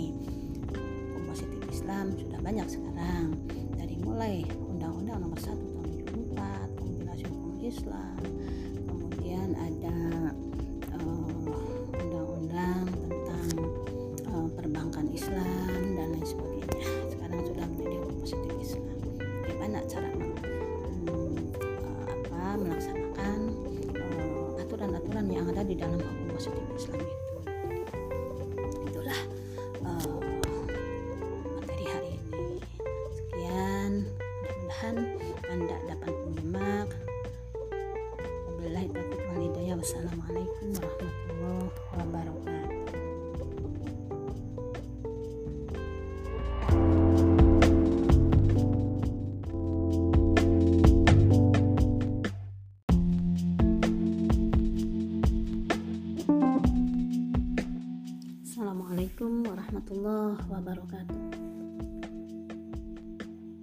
mahasiswa yang saya cintai.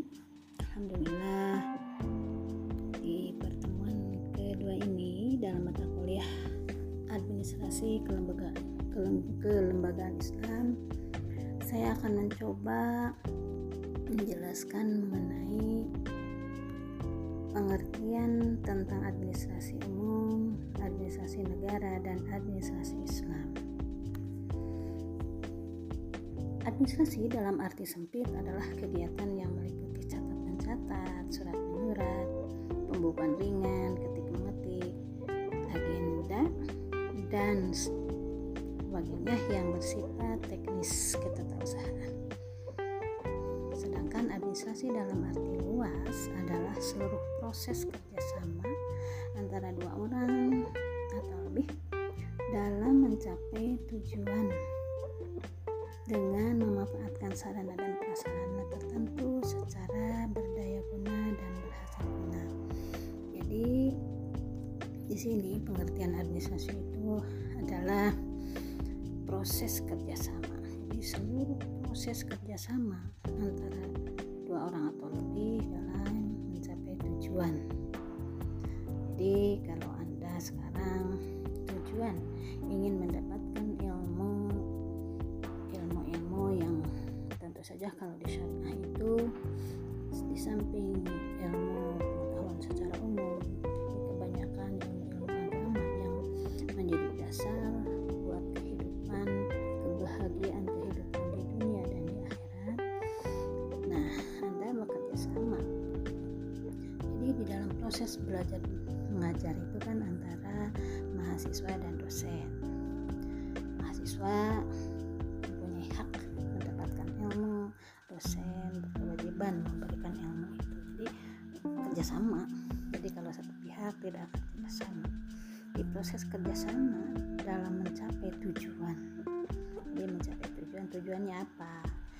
Sarjana atau ingin punya ilmu yang bermanfaat.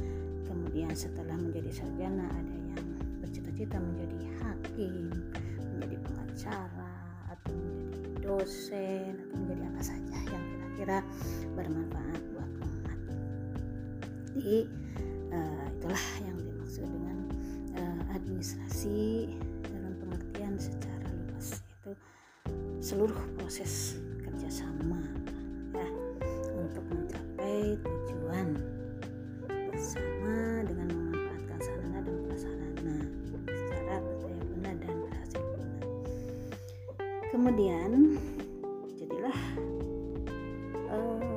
definisi tersebut sama dengan administrasi, administrasi umum. Jadi administrasi umum itu ialah seluruh proses kerjasama antara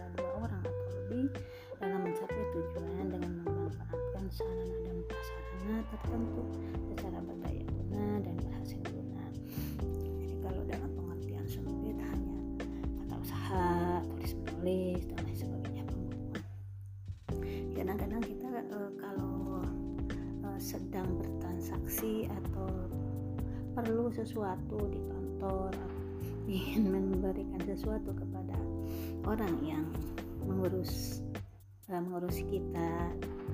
Kita suka mengatakan ini buat administrasinya. Artinya buat pengurusannya uh, proses pengerjaannya. Bisa juga dikatakan seperti itu. Kemudian administrasi negara. Apa yang dimaksud dengan administrasi negara? Ialah rangkaian kegiatan yang dilakukan untuk mencapai tujuan negara secara efisien. Uh, negara kita menganut trias politika, jadi ada badan legislatif, ada eksekutif, dan badan yudikatif. Nah, ketiga badan itu bekerja sama dalam mencapai tujuan cita-cita negara yang aman, tentram, damai, kemudian sejahtera dan lain sebagainya.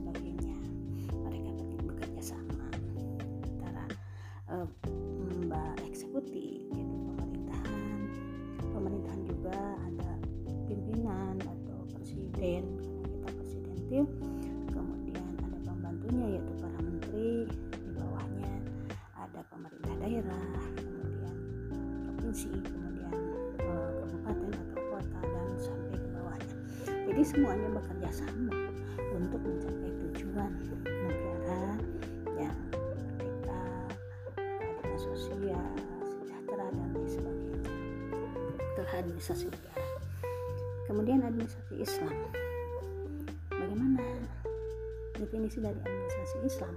Nah, di sini didefinisikan dengan segala kegiatan atau tindakan yang dilakukan oleh seseorang atau beberapa orang di mana kegiatan tersebut tidak bertentangan dengan syariat dengan syariat Allah dan Rasulnya aturan Allah dan Rasulnya untuk apa? untuk mencapai tujuan yang diridhoi Allah jadi konsep-konsep yang dirumuskan dalam administrasi Islam itu merujuk pada sumber yang autentik yaitu Al-Quran dan As-Sunnah. Jadi sama proses kerjasama antara dua orang atau lebih untuk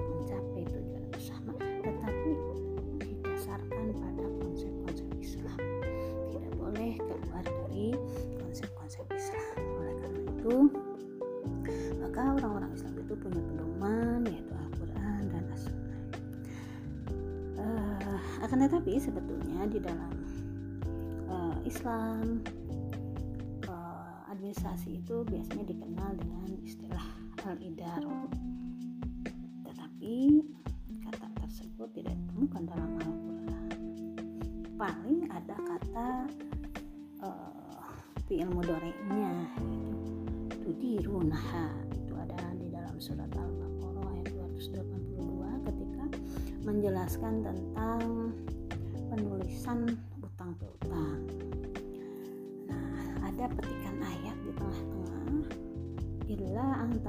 tijaratan hadiratan tudirunaha bainakum. Falaisa alaikum junahun alla taktubuha. Sini kecuali jika muamalah itu adalah perdagangan tunai yang kamu jalankan. Di antara kamu maka tidak uh, dosa tidak ada dosa bagi kamu jika kamu tidak menuliskannya. Jadi di awal-awal ayat itu kan perintah untuk menulis menuliskan tidak ada yang tumidainin ila ajalin musamman faktubuh kan gitu ya. Ya ayyuhalladzina aman hai orang-orang yang beriman apabila saling mengutangkan. Tayantum bidainin dengan suatu utang ila ajal musamma untuk waktu yang sudah ditentukan. Tubuh harus jadi harus menuliskan tentang utang piutang kecuali kecuali kalau perniagaannya perdagangannya secara nah ini di sini ada tudirunaha yang kalian jalankan baina. Jadi id al idaroh itu untuk administrasi Islam tetapi di dalam ayat Al-Quran tidak ada kata idaroh satupun. Hanya ada ilmu mudoranya itu dalam kamu jalankan artinya memproses. Itu juga sama sebetulnya dalam pengertian administrasi. Kata lain yang lebih tepat ditemukan dalam Al-Quran adalah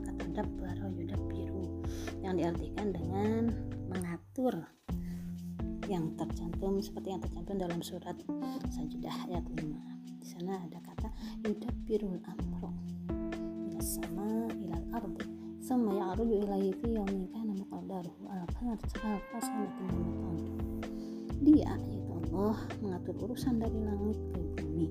Kemudian urusan itu naik kepadanya dalam satu hari yang kadarnya adalah seribu tahun menurut perhitunganmu nah di sini kata dabbar yudabbir mengatur jadi mengatur ini masuk juga uh, kata-kata uh, atau pengertian administrasi. Banyak ayat-ayat Al-Quran yang menunjukkan keharusan seorang muslim dalam melakukan perbuatan untuk mencapai tujuan dalam kehidupannya yang harus sesuai dengan aturan Allah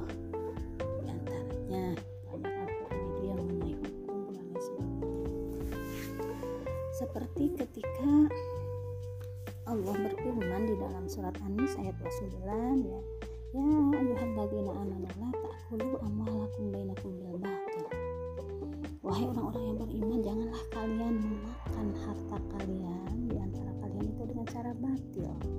Ini dalam proses perniagaan, ketika usaha, kasar, cari maisha, kehidupan. Janganlah kalian itu memakan batil, menipu orang, mencuri dan lain sebagainya. Illa antakuna tijaratan antara minkum. Jadi Allah memberi petunjuk kalau kita uh, dalam mencapai tujuan ingin memperoleh harta dengan usaha kita. Nah boleh dilakukan dengan tijarah perdagangan perniagaan tapi antarodin saling merelakan saling merelakan atau suka sama suka di antara jadi yang menjual merasa rela yang membeli juga merasa rela. Tidak boleh saling memaksa yang menjual terpaksa menjualnya karena takut dibeli oleh seseorang yang mempunyai uh, kekuatan umpamanya dengan harga yang tidak disetujui oleh hatinya sebetulnya tetapi karena takut ya akhirnya diberikan. Jadi tidak rela. Atau pembeli juga pembeliannya itu tapi karena malu untuk menawar akhirnya dibeli aja. Jangan gitu. Harus dengan cara suka sama suka. Antara demi ada kata-kata wala taqtulu anfusakum janganlah kalian membunuh dirimu. Innallaha kana bikum bikum kenapa di dalam tijarah di dalam perniagaan kata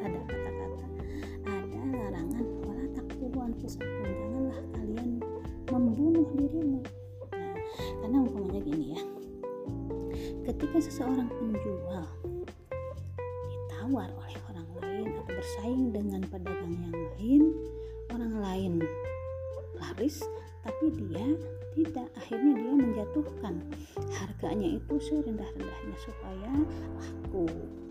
Nah terus akhirnya perdagangannya laku tapi kemudian menjadi gulung tikar jadi membunuh diri. Nah di sini diingatkan wala taktulan pusakum janganlah kalian membunuh dirimu innallaha kana bikum rahim sesungguhnya Allah itu maha penyayang kepada kalian. Nah itu aturan tentang bagaimana kita mencari nafkah bagaimana uh, memperoleh harta. Kemudian ada ayat juga wa'budullaha la tusyriku bihi syai'an wa bil walidaini ihsana. Wa bizil qurba wal yatama wal masakin wal jari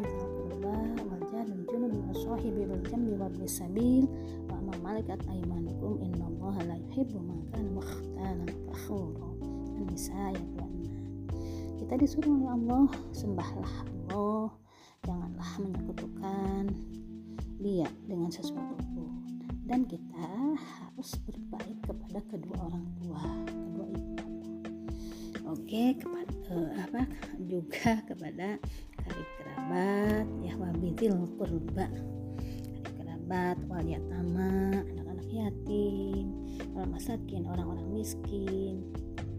Wal jari til kurba tetangga yang dekat. Wal junub dan tetangga yang jauh. Sohibi jambi dan teman sejawat. Abdi sabil dan ibu sabil orang yang sedang dalam perjalanan. Malaikat imanukum dan hamba sahaya yang kamu ini pergaulan di antara kita bahwa kita harus uh, dalam bergaul itu menghormati dan saling menghormati antara kita. Apalagi terhadap kedua orang tua di sini ditekankan yang paling dulu uh, bil walidain ihsanan. Jangan mendahulukan orang lain. Berbuat baik kepada orang lain tapi ibu bapak di wabil qurba wal yatama masakin dan lain sebagainya. Itu di dalam pergaulan. Jadi ketika kita punya uh, bekerja sama ya bekerja sama dalam proses mencapai tujuan itu harus diperhatikan berbuat baik kepada orang tua dari kerabat tetangga anak yatim dan lain sebagainya. Itu aturan dari Allah. Kemudian ada juga suruhan Al-Maidah ayat 2 wa ta'awanu 'alal birri wat taqwa wa la ta'awanu 'alal ismi wal udwan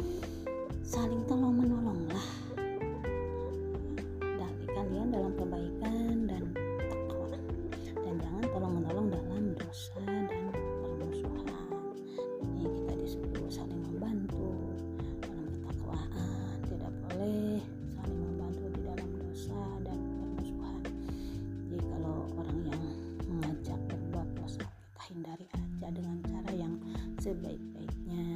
Nah, tetapi kalau mengajak kepada kebaikan ya kita harus saling tolong ini jelas sekali ayatnya bahwa kita harus saling tolong menolong. Kemudian uh, ketika umpamanya kita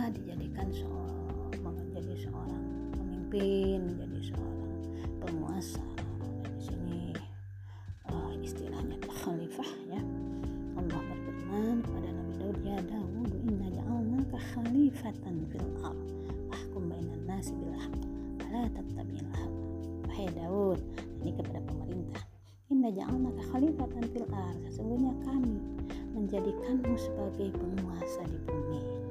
Apakah dia menjadi presiden atau dia menjadi gubernur menjadi menteri menjadi bupati dan lain sebagainya.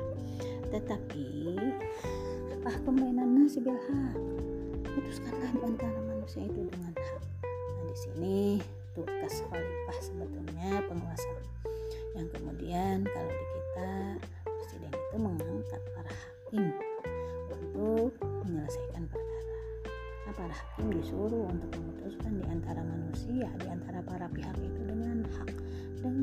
sebenar-benarnya dengan hak itu seperti apa? Wala tatabi'il hawa jangan sampai mengikuti keinginan nafsu. Fayudallaka ansabilillah karena dengan mengikuti, mengikuti hawa nafsu itu akan menyesatkan dari jalan Allah jadi meninggalkan jalan Allah. Uh, padahal Allah mengancam innalladzina yadhilluna an sabilillah lahum adzabun syadidun bima nasu yaumal hisab. Sebenarnya orang-orang yang sesat dari jalan akan memperoleh siksa yang sangat dahsyat karena mereka itu lupa akan hari hisaban atau hari perhitungan. Jadi di sini kalau seorang penguasa harus berbuat adil dan juga kalau yang diangkat oleh penguasa menjadi hakim untuk menyelesaikan perkara juga harus berbuat adil. Ini aturan-aturan di dalam Islam bahwa kita itu harus betul-betul cara mencapai tujuan yaitu mencapai tujuan keadilan ya supaya negara itu uh, dapat dirasakan kesejahteraannya, keadilannya oleh masyarakat. Maka ini tugas hakim yaitu badan yudikatif ya. Badan yudikatif juga harus berbuat sebaik-baiknya. Ya, uh, siapa pun para pencari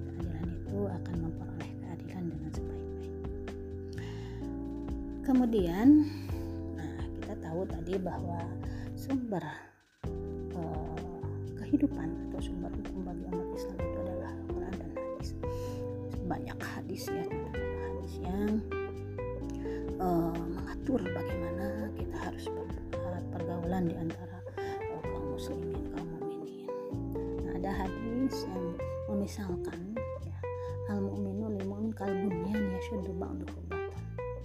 seorang mukmin dengan mukmin yang lain itu bagaikan satu bangunan yang saling mengokohkan satu dengan yang lainnya.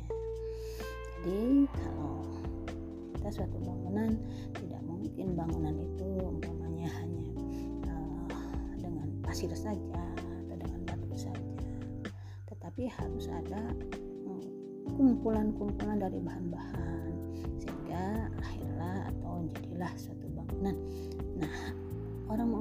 dimisalkan kalbunyan seperti bangunan jadi tidak mungkin kita hidup sendiri tanpa memerlukan bantuan orang lain. Demikian juga orang lain. Oleh karena itu harus saling menguatkan sebahagiannya dengan bagian yang lain. Itu dimisalkan oleh sebuah kemudian hadis lain mengatakan muslim akhul muslim la yaslimuhu wa yuslimuhu. Wa man hajati akhihi kana Allahu fi hajatihi. Wa man farraja an muslimin kurbatan farrajallahu anhu kurbatan min kurbati yaumil qiyamah. Wa man satara musliman satarahullahu yaumil qiyamah. Bukhari muslim. Di sini uh, hadis ini menyatakan bahwa seorang muslim itu adalah saudara bagi muslim yang lainnya. Dia tidak akan menzaliminya dan tidak akan membiarkannya berbuat zalim Barang siapa memenuhi kebutuhan saudaranya, niscaya Allah akan memenuhi kebutuhannya dan barang siapa melapangkan satu kesusahan saudaranya, niscaya Allah akan melapangkan baginya satu kesusahan dari kesusahan-kesusahan pada hari kiamat. Dan barang siapa yang menutup aib saudaranya, maka Allah akan menutupi aibnya pada hari kiamat. Ini jaminan dari Allah bahwa kita itu harus saling ya tidak boleh saling menzalimi tidak boleh juga membedakan orang berbuat dolim nah di sini watawasul bil ya watawasul bisubri itu orang berbuat dolim dia kita biarkan aja. Nah itu tidak benar. Yuz la yazlimu wa la yuslimuhu. Nah itu hadis tentang pergaulan bagaimana kita harus bergaul dengan yang lain harus saling uh, tolong menolong harus saling kemudian juga ada anjuran berbuat jujur dalam bekerja sama. Ya kita uh, bekerja sama pasti saling membutuhkan membutuhkan dan harus jujur juga. Nah, ini ada sebuah hadis alaikum bisidqi fa inna sidqa yahdi ila birr wa inna birra yahdi ila jannah. Kendala kalian itu berbuat jujur. Alaikum wajib kalian itu bisidqi berbuat jujur. Fa inna sidqa yahdi ila karena kejujuran itu menunjukkan pada kebaikan. Sedangkan kebaikan juga menunjukkan kepada surga. Wa inna rajula yasduqu hatta yuktaba indallahi siddiqan dan ada seorang yang selalu berbuat jujur. Dalam kehidupannya tidak pernah dia itu berbohong. Nah hatta yuktaba indallahi siddiqan sehingga dicatat oleh Allah dia itu menjadi siddiq. Nah seperti Abu Bakar Siddiq ya. Nah, jadi kita juga kalau tidak pernah berbuat bohong jujur terus. Nah itu akan dicatat oleh Allah menjadi sidik jadi orang yang sangat jujur. Kemudian wa iyyakum wal kadhiba hati-hatilah jauhilah bohong.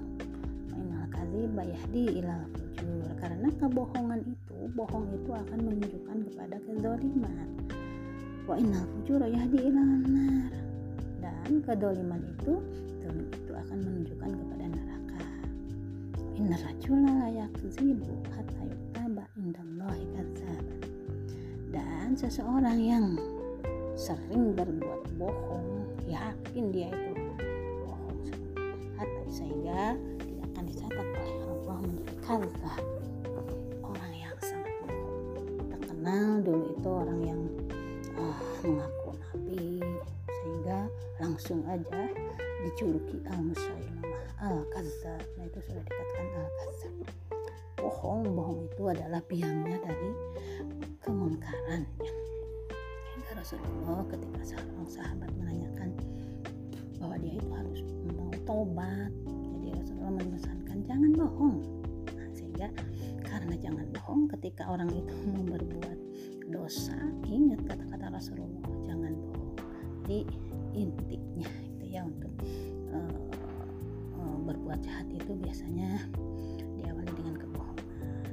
Nah itulah barangkali untuk sementara uh, mengungkapkan tentang pengertian administrasi administrasi secara arti sempit administrasi umum administrasi negara dan administrasi saya lebih